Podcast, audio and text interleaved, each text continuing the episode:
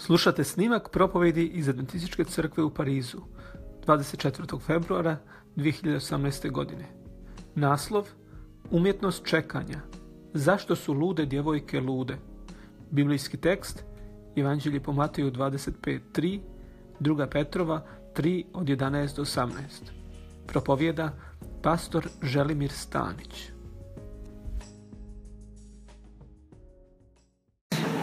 Jedna priča kaže da se e, ovo što želim ispričati dešavalo u porodilištu, u čekaonici, gdje je sjedilo nekoliko muškaraca, potencijalnih budućih očeva. I svi koji ste prošli kroz to iskustvo e, znate kakve emocije vladaju u tom prostoru. I oni su sjedili, e, iščekivali i iznenada je iz druge prostorije izašla jedna medicinska sestra i nosila je jednu tek rođenu bebu. Prišla jednom od muškaraca koji su tamo sjedili i rekla radosnim glasom čestitam, postali ste otac. I on je naravno bio samo oduševljen i prišao je, ali drugi koji je sjedio u blizini nije bio tako baš oduševljen, ustao je rekao nije fair, ja sam došao ranije. on je očekivao da to ide, jel tako, malo drugačijim putem i to nam govori da niko od nas ne voli da čeka. I ova pjesma koju smo čuli govori o pozivu čovjeka Bogu da mu Bog priđe i pjesme uglavnom nastaju u, u tim trenucima kada ljudi iščekuju, kada ljudi očekuju da se neke stvari dogode. Što je čekanje ozbiljnije, važnije, ono je teže i napornije. Postoji razlika da li čekamo voz koji kasni, da li čekamo odgovor na posao koji smo dugo tražili ili čekamo ozdravljenje osobe a, za što se molimo i osobe koju, koju volimo. Ali slabo ko od nas uživa u čekanju. Često se ponavlja kako živimo u instant kulturi i mi smo se već u mnogome navikli na tu kulturu i na te principe da dobijemo sad i odmah. Ove sedmice sam upravo imao jedno takvo slično iskustvo. Želio sam da kupim jednu sitnicu, naručio sam je u 8 sati na večer i uz pomoć opcije Amazon Prime ono je stiglo sutradan u 12 sati. Dakle, veoma, veoma brzo, iako je sam proizvod, vrijednost samog proizvoda je bila ispod 10 eura. I mi smo oduševljeni tako kada se takve stvari dešavaju. Ali to nas navikne i mi iščekujemo i da na drugim aspektima života se desi nešto slično, ali u stvari, u stvari to se ne dešava uvijek tako.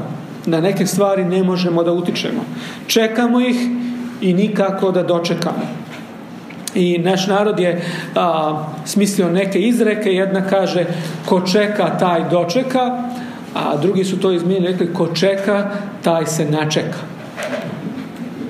Engleski pisac koji se zove Samuel Beckett je napisao jednu od svojih čuvenih dijela, dramu, a, koju je nazvao Čekajući Godoa. Zanimljivo, ja nisam znao, ali on je to napisao na francuskom jeziku. Jeli? Anatant Godot. I e, prvi put je izvedena e, u Parizu u Teatr de Babylon 53. godine, nekih četiri godine nakon što je napisana. A drama je napisana poslije drugog svjetskog rata. I kada čitate taj tekst, nemate baš ugođaj čitanja tekst i cijela radnja je prilično besmislena. Dvojica prijatelja koji se zovu Vladimir i Estragon provode vrijeme besciljno i besmisleno. Oni čekaju nekoga za koga ne znaju na kraju ni da li on postoji, koji se zove Godot, koji treba da dođe i prema tom tekstu da im objasni sve ali Godo nikako ne dolazi, nailaze slučajni prolaznici koji također vode prilično besmislene dijaloge i nije, nije ugodno uopšte čitati taj, taj e, sadržaj, to dijelo, ali ono je nastalo u posebnom trenutku. Drugi svjetski rat se e, nedavno završio i ljudi su iščekivali da će stvari poći jednim drugačijim, boljim, smislenijim tokom. I svi ljudi koji su doživjeli rat, doživjeli su ružne stvari tokom rata, ali dok rat traje, postoji samo jedna misao, samo da se ovo završi. I kada se ovo završi, sve će biti bolje. Ali često ljudi dešavaju da se rat završio, da se borbe više ne vode, ali da se smisao i dalje ne nazire. I zato je ovo djelo postalo jako popularno, doživjelo je mnogo izvođenja, doživjelo je mnogo tumačenja i svako je davao svoje viđenje šta je u stvari pisac ovim dijelom htio da kaže. I što god mi rekli i zaključili, jedno je sigurno. On je želio da izrazi glavnu misao, a to je da je čekanje mučno, da je čekanje naporno i da je čekanje ponekad uzaludno. E sada, mi smo dio ljudi koji čekaju. Uh, šta više, naša crkva je čekanje uzela kao dio svog imena i dio svog identiteta. Od mnoštva stihova i poruka koje možemo naći u Bibliji, vjerojatno ovaj tekst koji vidite na zidu, koji se nalazi u drugoj Petrovoj, može biti jedan opis e, nade i razloga postojanja ove crkve. Mi čekamo. Tekst kaže čekamo po obećanju. Po obećanju njegovom. Novu nebu, novo nebo i novu zemlju gdje pravda živi. I samo ovaj tekst tako kratak je rekao toliko mnogo čekamo gdje pravda živi, autor je aludirao da živimo u, u, u kontekstu nepravde. I svako od nas bi mogao ispričati neku svoju nepravdu. A kada bi se osvrnuli na svijet oko nas, mogli bi da pronađemo mnoštvo, mnoštvo nepravdi. I zato jedna od ideja ovog teksta je da hrišćani iščekuju promjenu iščekuju nekoga koji će napraviti razliku u odnosu na sadašnje, sadašnje vrijeme. Ali kako vrijeme prolazi, čekanje se oduži i postane teško. Davno sam još pročitao u jednom časopisu iskustvo jedne žene, hrišćanke, koja je razgovarala sa svojom unukom. Bilo je to isto u vremenu a, poslije drugog svjetskog rata u tim godinama.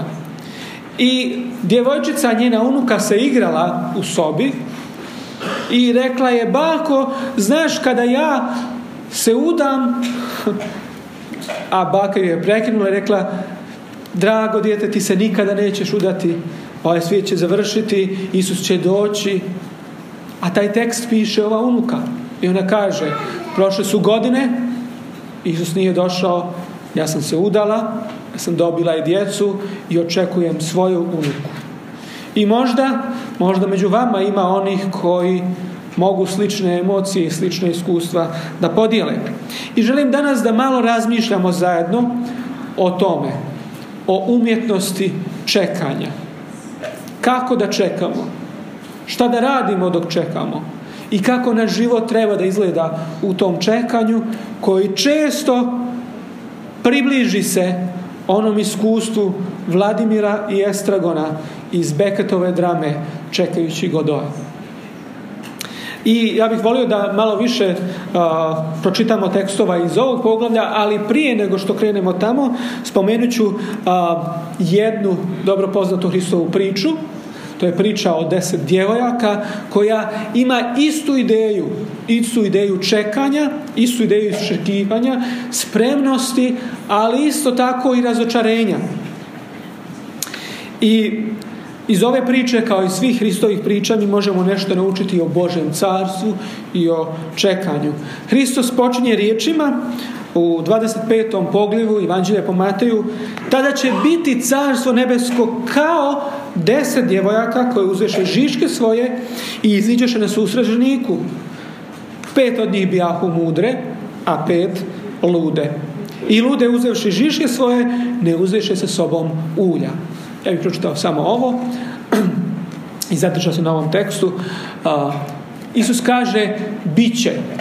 Što znači da ono što on opisuje a, je budućnost iz njegove perspektive. To je ono što treba da se dogodi. I mnogi vezuju ovaj tekst uz vrijeme pred Hristov drugi dolazak.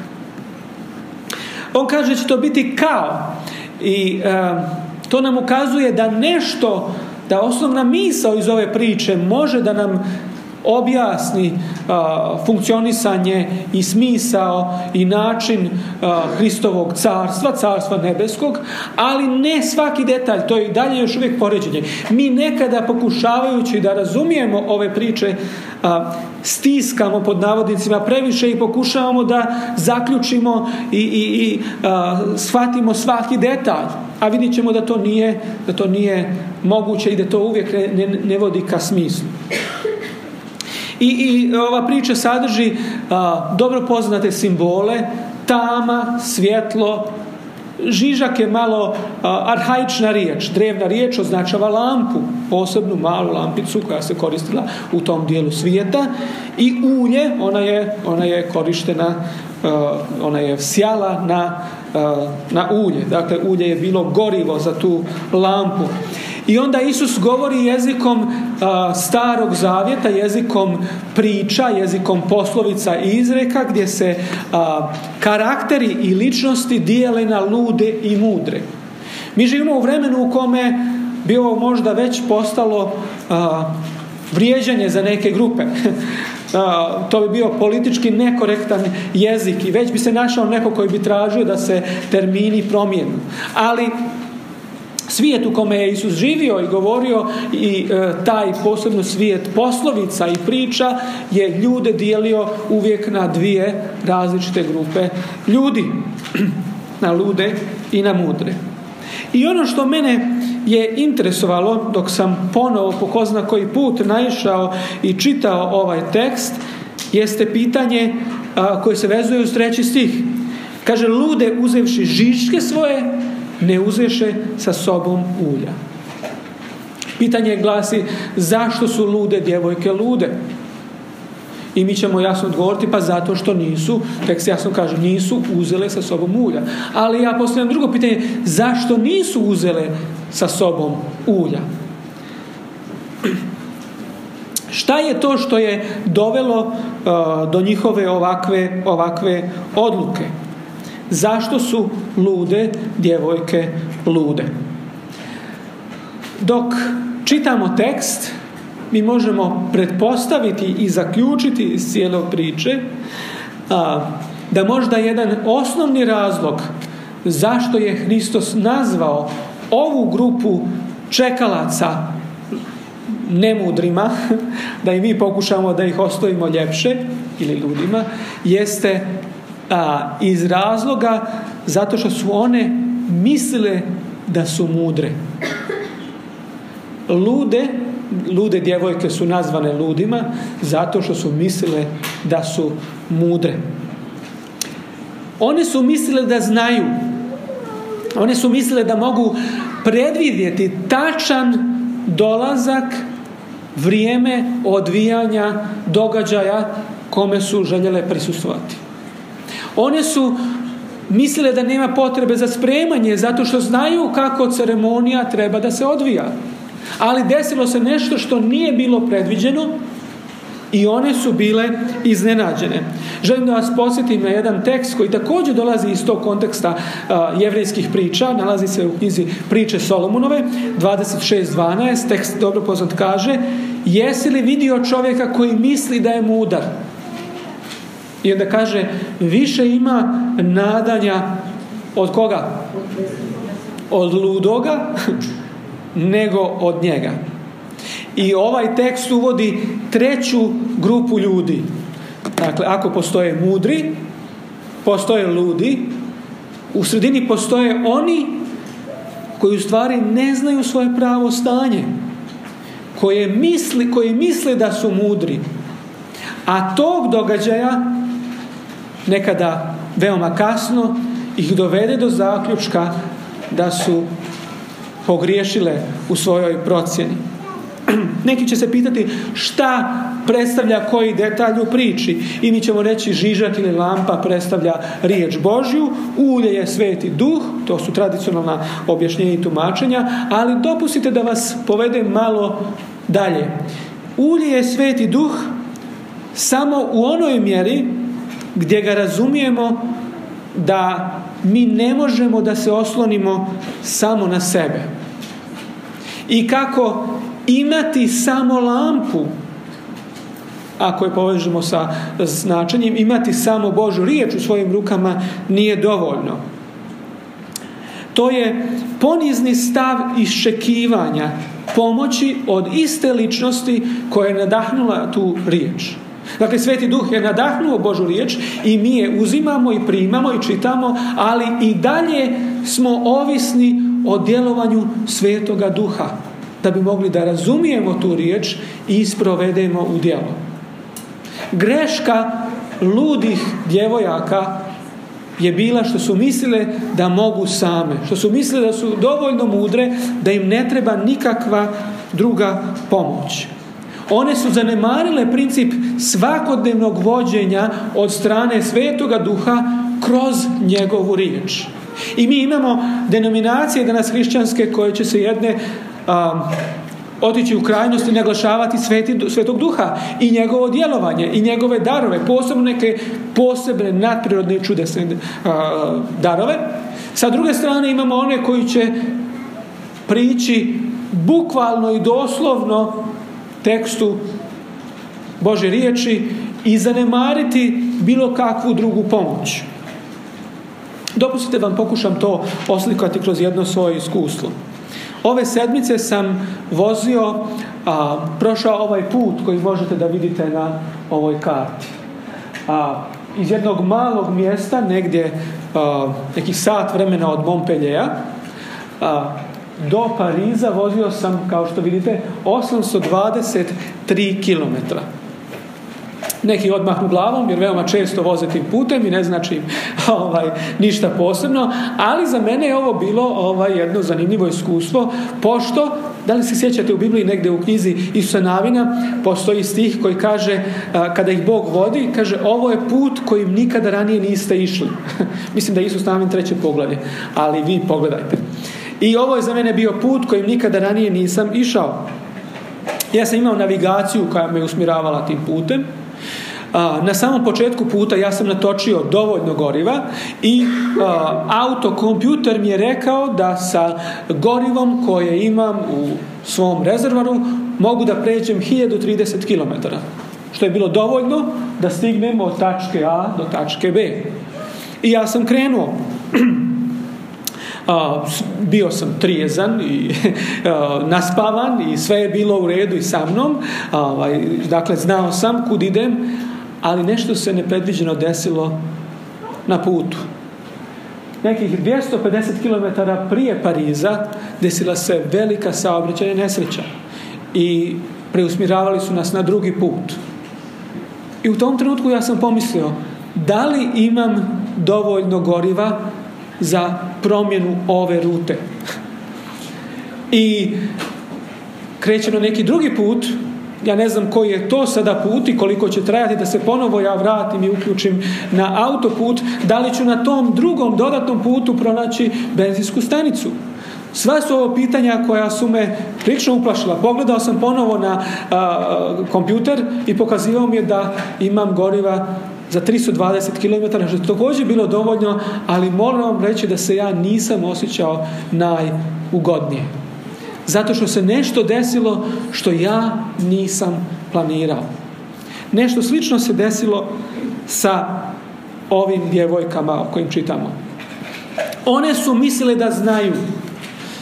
I mi veoma često se hvalimo našim znanjem. Na pozitivan način. Ha, mi znamo.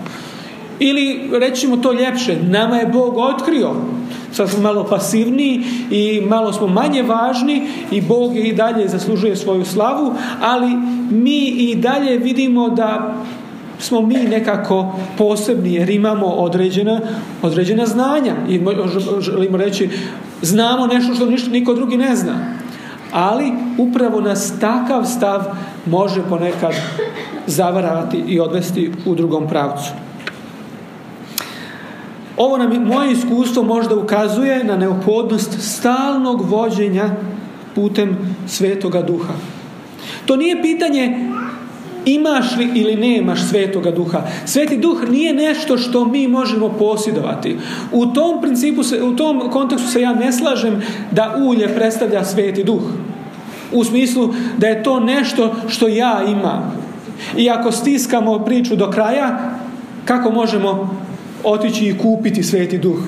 Jer ove, ove lude djevojke su otišle i nabavili sveti duh, ali su zakasnile.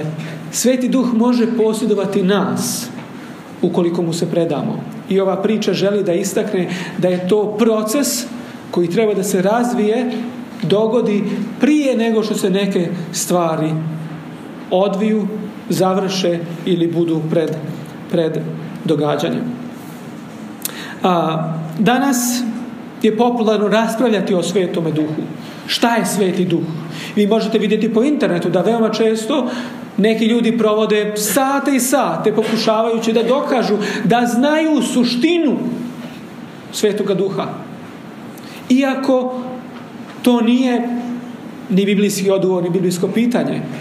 Biblijsko pitanje je da li si spreman da dopustiš da te sveti duh vodi, a ne da ti saznaš unutrašnjost trojstva i svaki njegov detalj. Nego da li si spreman da se prepustiš svetom duhu. Mnogo je lakše zauzeti ovaj drugi e, pristup, to je prvi, gdje ja vladam materijom, gdje ja vladam svetim duhom i objašnjavam vama koji ne znate, a ja znam. Ali mnogo je teže krenuti na put koji je duži od puta od Montpellier do Pariza, koji je možda neizvjesniji, i nesigurni gdje se vi predajete u ruke nekome drugome i kažete mu vodi me, ja sam tvoj. Vjerujem ti da ćeš me voditi tamo gdje sam krenuo. Da li ti i ja imamo svakodnevno iskustvo vođenja svetim duhom kroz Božu riječ? Ukoliko je odgovor potvrdan, onda ćeš znati da čekaš. Onda nećeš biti iznenađen i onda ćeš biti spreman. Kad god se stvari dese i šta god se desi. Ovo iskustvo, iskustvo ovih djevojaka ukazuje da možda stvari neće ići istom brzinom, istim putem i svakim detaljem kao što mi mislimo možda bi trebali biti spremni za neka iznenađenja. I tada će tvoj život drugima ukazati na jednu umjetnost čekanja koja se sastoji od najmanje sedam, ja sam toliko pronašao principa u ovom biblijskom tekstu kojeg smo već čitali, koji se nalazi u drugoj Petrovoj, u trećem poglavlju i želio bih da otvorite zajedno sa mnom, druga Petrova, treće poglavlje od 11. do 18. stiha. Pročitat ćemo ove tekstove i onda ćemo pokušati da izvučemo tih sedam principa. Druga Petrova tri od 11 do 18. Apostol Petar piše Kad će se dakle ovo sve raskopati, kakvim treba vama biti u svetom življenju i pobožnosti? čekajući i želeći da bude skorije dolazak Božega dana, kojega će se radi nebesa spaliti, raskopati i stihije od vatre rastopiti ali čekamo po obećanju njegovu novo nebo i novu zemlju gdje pravda živi. Zato ljubazni čekajući ovo, starajte se da vas nađe čiste i prave u miru. I trpljenje gospoda našega držite za spasenje, kao što vam je ljubazni naš brat Pavle po u prebudrosti pisa, kao što govori o ovome i u svima svojim poslanicama u kojima imaju neke stvari teške razumjeti, koje nenaučeni i neutvrđeni izvrću, kao i ostala pisma na svoju pogibao. A vi dakle ljubazni znajući naprijed, čuvajte se da prijevarom bezakonika ne budete odvedeni s njima i ne otpadnete od svoje tvrđe, nego napredujte u blagodati i u poznanju gospoda našega i spasa Isusa Hrista, njemu slava i sad i u večne vremena. Amin, kaže tekst. Prva misao koju pronalazim u ovom tekstu a je vezana uz ove riječi koje Petar piše sveto življenje i pobožnost. Petar izjavljuje da će se sve na ovom svijetu raspasti. To nije optimistična poruka, ali ona je uvod u nešto bolje. I mnogi ljudi vide da se stvari na ovom svijetu ne odvijaju kako treba. Mnogi vide da resursa više nema, dovoljno pokušavaju se pronalaziti novi resursi, a, zakoni se donose da se ljudi preusmiravaju, da, da moraju da koriste druge stvari i sve ide u tom pravcu zato što ljudi shvataju da nema dovoljno izvora, da nema više tih obnovljivih izvora i da treba drugačije živjeti. Ali to sve funkcioniše mnogo polako i sporo i mnogi ljudi na neki način u to uopšte ne vjeruju.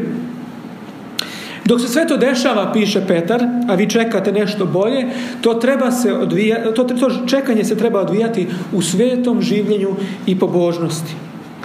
Sveto življenje i pobožnost nije ništa mistično ili abstraktno. Svetost u Bibliji je odvojenost, a savršenstvo je zrelost. Mi ne govorimo o fokusu ka bezgrešnosti, o fokusu na samom sebi, o borbi sa samim sobom, nego govorimo o zrelosti i o svakodnevnom vezivanju uz Hrista gdje On čini određene promjene u nama. Fokus je različit.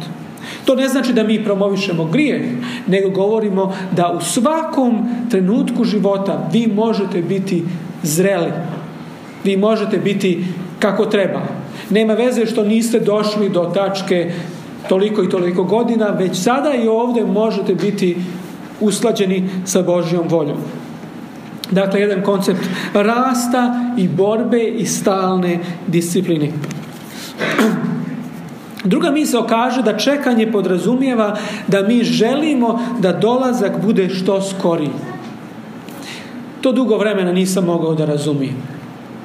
Postalo je vrijeme kada sam ja želio da ovaj svijet potraje. Postojalo je vrijeme kada sam ja želio i mislio da postoji toliko mnogo toga što ovaj svijet treba i može da mi da. Kao mladić čekao sam vozačku dozvolu, kao ne znam ni ja šta veliko. I onda vidi da to nije ništa, ništa strašno, ništa, ne strašno, ništa posebno, ništa, ništa, nešto bez čega ne može da se živi nešto to nije nešto što vam je osmislilo život, što vam je samo pomoglo da se krećete lakše između različitih tačaka na ovom, na ovom svijetu. Prošle sedmice sam pričao sa jednom rođakom iz Kanade koja je željela da posjeti Pariz i ona kaže, citiram, čula sam da je u Parizu jako lijepo i da ima mnogo toga da se vidi. sada kada bi ona postavila vama pitanja, već neki klimaju, glavom koji ste ovdje cijeli život, pa rekli ste, pa jeste, ali Odgovor neki od vas bi bio, pa ništa posebno, zar ne? Zato što ste se navikli, saživjeli i tu ste stalno. Za nekoga je posebnost da vidi, jel tako, Eiffelovu kulu, a vi ćete reći ništa posebno. I to pokazuje kako su neke stvari relativne i kako u suštini i sam život, kada se jedan njegov e, dio pređe, da neke, da neke stvari nisu uopšte onakvima kakve se kako su izgledale. Tako i sa ovim svijetom. Drugi dolazak govori da postoji nešto mnogo bolje. Čekanje postavlja pred nas pitanje da li ti zaista želiš da to bude što prije? Idu li tvoje misli, tvoje molitve, tvoj život u tom smjeru? I vidi li se to na tvom životu i u tvojim vrijednostima? Ili možda je to samo dio ukrasa u nekom zajedničkom razgovoru koje ja i ti samo spomenemo. Dalje Petar kaže, treća misao, kada on dođe, a obećao je da će doći, u kakvim okolnostima će zateći mene i tebe. Ili još bolje on kaže u kakvim okolnostima želi da nas zatekne. A i kaže da to bude u čistoti, u pravdi i miru. Suprotno tome su nečistota, nepravda, i sukob. Nedavno sam posjetio um, ulicu u kojoj uh, ima dosta uh, radnji sa ljudima iz naših krajeva. I dok sam prišao jednom restoranu i posmatrao uh, meni, izašao je vlasnik. I nekako smo shvatili da smo iz istog kraja i počeli smo brzo da razgovaramo na našem jeziku i onda me on pitao odakle sam, šta radimo ovde i on je bio vlasnik tog restorana i onda mi je podijelio jedan svoj savjet bez da sam ja tražio, nekako je razgovor išao u tom pravcu i poslušajte šta mi je on rekao dok si ovde sačuvaj mir i porodicu to su mnogi izgubili wow, ja sam rekao, pa ovo uopšte nije neka ugostiteljska terminologija. Ovaj čovjek čini se da je dotakao suštinu i prave vrijednosti. I ja sam htio da kažem, to nije samo ovdje, to je svuda, ali nekako razgovor je otišao u drugom pravcu. Na kraju krajeva i to ovdje obuhvata cijeli ovaj svijet. Mir, kako ta riječ predivno zvuči, a kako je često daleko od naših iskustava. I te mi njegove riječi stalno zvuče e, i, i dalje u mojim, u mojim ušima. Sačuvaj mir. A Hristos kada je odlazio sa ovog svijeta, on je rekao, ostavljamo ovo, ostavljamo. Šta je rekao? Mir svoj ostavljamo.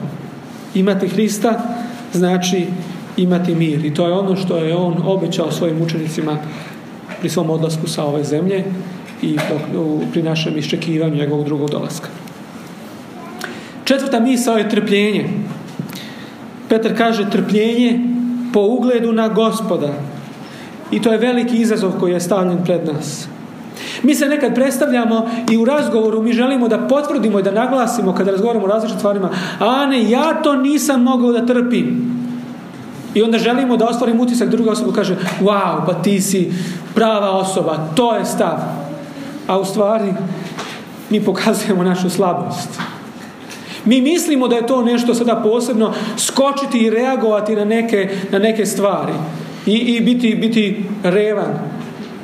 Ali mnogo je teže zauzdati se i održati trpljenje. Neki drugi tekst kaže, ljubav sve, no, sve snosi, sve mu se nada, sve trpi. I pitam se šta li je to sve koje ta ljubav obuhvata i da trpi sve. I pitam sebe, imam li strpljenja? I postavljam to pitanje pred vas. Imaš li strpljenja? I moram da budem iskren da u posljednje vrijeme zbog mog načina življenja i dok još nisam postavio sve stvari kako treba, čini mi se da me moja djeca mnogo lakše izbace iz takta nego ranije. I kako meni nedostaje trpljenje, bar tu primijetim i kako bi trebao, posebno sada da imam i sa ovim malim koji je eh, u posljednje vrijeme naučio svašta, a mnogo toga ne valja i pred mene je postavljen izazov, ali ne samo u vezi njega, nego u vezi cijelog mog života. I Petar ponavlja, trpite braćo moja i sestre moje, za sve se odnosi. I ovaj koncept ne treba objašnjenje, nego treba praksu. Mi ne treba da puno pričamo o trpljenju, mi treba da ga pokažemo u svom životu. A, za apostola Petra Boža riječ ima jako važno mjesto u vremenu čekanja i posljednja tri principa su usko vezana za Božju riječ. On kaže, postoje teške stvari u spisima apostola Pavla.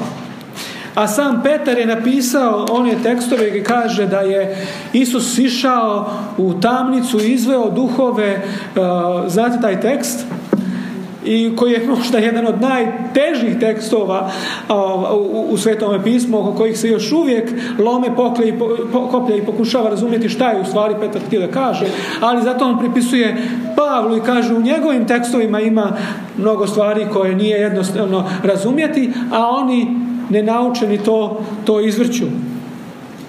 I ja se postavljam pitanje sa čim ti ja provodimo vrijeme. Sa kojim tekstovima? Sa onim teškim, nerazumljivim ili sa onim jasnim koji nas pozivaju i jasno ukazuju šta je moja i tvoja dužnost.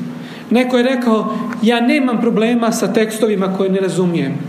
Ja imam problema sa one koje razumijem, jer ne mogu da ih sprovedem u djelu. Ja nisam odgovoran za ono što ne razumijem. Nisam razumio šta Pavle kaže, ali sam razumio da Isus kaže ljubi bližnjega svojega. E, taj tekst je težak. Nije težak onaj čije značenje ne znamo. Težak je onaj čije značenje znamo, a ne živimo. Svako objašnjenje eshatologije u Bibliji govora o posljednjem vremenu spominje otpad, spominje lažna učenja. Kraj je definisan tim problemima, problemima izvrtanja Božje riječi i problemima isticanja manje važnih ideja i misli. Bilo ih je i uvijek će ih biti, ali Biblija kaže da će se na kraju oni umnožiti. I Petar kao da nam kaže, umjesto da ih analiziramo i brojimo, čuvajmo sebe. Sreo sam mnogo ljudi koji mnogo više vremena provode uz internet i uz različite ideje koje su tamo predstavljene, a mnogo manje sami uz riječ Božju. Često slušam one koji kažu, a ja sam to čuo, pa gdje se čuo? Pa čuo sam na internetu. Pa kako znaš da je to tačno? I nekada dobijem prilično naivne odgovore koji kažu, pa ne bi to bilo tamo da nije istina. I vjerujem da se svi slažete da je to, da je to pogrešan, pogrešan zaključak. I Petar ponavlja Hristove riječi, čuvajte se da vas ko ne prevari. A znamo ko je u konačnici taj koji, koji vara. I sedma misao. Kaže Petar, napredujte u blagodati i u poznanju gospoda našega i spasa Isusa Hrista. Šta je vaš glavni fokus u životu? u kom pravcu gledate. Imao sam nekih 15-16 godina kada sam prvi put pročitali su mi riječi iz knjige Put Hristu. A pitanje glasi kako možete znati kome pripada vaše srce? I onda tek tekst nastavlja. O kome volite da pričate? Kome pripadaju vaša najdublja osjećanja? Znate taj tekst? I onda se dalje govori ukoliko ste Hristovi, on će biti zanimljiva tema za vas. I ja sam rekao, o, ovo je tako fanatično. Ovo je tako nekako suvo. Jer ja sa 16 godina nisam prepoznao veličinu, važnost, dragocjenost, ljepotu Hristove ličnosti. Ja sam imao druge biblijske tekstove, upravo one neke problematične, kojima sam pokladio pažnju. Kada bi bi pitali da govorim, ja bih uvijek uzimao takve tekstove da govorim iz njih. Ali Hristova ličnost, mislio sam da je to nešto što se podrazumijeva. Ali onda vremenom sam shvatio zašto taj tekst govori to. I Petar ovdje ponavlja i podsjeća i kaže, braćo i sestre, napredujte u blagodati i u poznanju gospoda našega Isusa Hrista. Znao sam da se zateknem da čitam Bibliju ujutro i da pročitam i ona obavezna tri poglavlja i druge tekstove, a da moje misli nisu uopšte bile usmjerene ka Hristu. I moguće je, moguće je čitati i Bibliju, nažalost, a ne susreti se s Hristom. To je naravno najveća tragedija. Jer oni koji dolaze Hristu u drugom, pogla, drugom dijelu 25. poglavlja i koji poput ludih djevojaka nisu stigli na pravi cilj, Isus im kaže, šta im kaže? Niste znali sve detalje, niste dovoljno vremena proveli oko složenih pitanja i kompleksnih pogleda iz Biblije, on im kaže, znate šta, meni je jako žao, ali mi se ne poznajemo. Oni kažu, kako je moguće, Hriste, pa mi smo toliko toga, toliko vjerskih stvari je bilo u našem životu, toliko religijskih obaveza, toliko dobrih dužnosti mi smo obavljali. Kaže, moguće je. Ja ne kažem da niste. Ali postoji problem da se mi ne poznajemo. Da ja vas ne poznajem, da vi ne poznajete mene. A to je glavna stvar, glavni razlog i glavni uslov da uđete na ova vrata na koja kucate. Draga braćo i sestre, kada bi mogli sažeti sve ono, kada bi željeli reći nekome sve što smo sada rekli, sve što znate iz Biblije, kada bi ga željeli pozvati, vjerojatno biste citirali Jovan 3.16 ili neki sličan drugi tekst, ali ja sam nedavno pronašao tekst koji je misao vodilja za mene, moto i koji bi želio da stavim i kao jednu ideju vodilju za našu crkvu ovdje. On nije tako poznat, tekst nije tako često čitan, ali kada ga pročitamo u njegovoj suštini i kada ga pročitamo možda i na, u drugim prevodima i na druge jezike, on govori zaista glavnom misom. Jevrejima 3.1 kaže Zato braćo sveta i sestre svete, zajedničari zvanja nebeskoga, poznajte poslanika i vladiku kojega mi priznajemo Isusa Hrista. Postoji li ljepši poziv koji možete uputiti? Kad razgovarate s ljudima, pa šta vaša crkva uči, o čemu vaše? Koji, šta, vi želite? Možete reći, mi želimo da upoznate Isusa, koga mi priznajemo. Evo to je sve. Pa kako se on poznaje? Čitajući riječ Božju i bivajući prosvjetljen duhom sveti. Poznajte Isusa Hrista. Drugi tekst kaže, drugi prijevod kaže consider Jesus. Razmatrajte Hrista. Upoznavajte Hrista. Provedite vrijeme sa Hristom. Druge stvari su također važne, ali ne jednako važne. Poznajte Hrista koga mi priznajemo i koga mi također želimo da upoznajemo. Šta više treba? Tako mnogo, rečeno sa tako malo. Tu je sve. Ako imate Hrista, imate sve. Ako nemate Hrista, nažalost, nemate ono najvažnije. Kaže se da su najtužnije riječi iz Svetoga pisma, te riječi koje Isus izgovorio i rekao, ne poznajem, ne poznajem vas. Moja želja i molitva da ničiji život ne prođe na ovoj zemlji, a da ne potroši vrijeme na upoznavanje sa Hristom. I neka to bude jedan novi poticaj svakome od nas. Možda i novo preusmjeravanje u našem proučavanju, možda i novi izbor knjiga, možda i novi izbor tekstova i možda i novi izbor fokusa. Neka nam Gospod u tome pomogne da naše čekanje ima zaista smisla i dok iščekujemo Hrista da imamo taj mir koji je Hristos obećao. Prolazit ćemo kroz razno razne situacije na ovoj zemlji i već prolazite i već osjećate da bi bilo mnogo ljepše da je Hristos došao par dana, par mjeseci, malo ranije. Da niste možda doživjeli to što ste doživjeli, da niste prošli kroz iskustva koje ste prošli. Ali Hristova prisutnost u vašem životu i u vašem iskustvu može vam dati ono što ništa drugo ne može. I ako sve zaboravite od danas iz ove propovjedi, molim vas zapamtite samo ovaj stih Jevrejima 3.1 Poznajte Hrista koga mi priznajemo. Amen.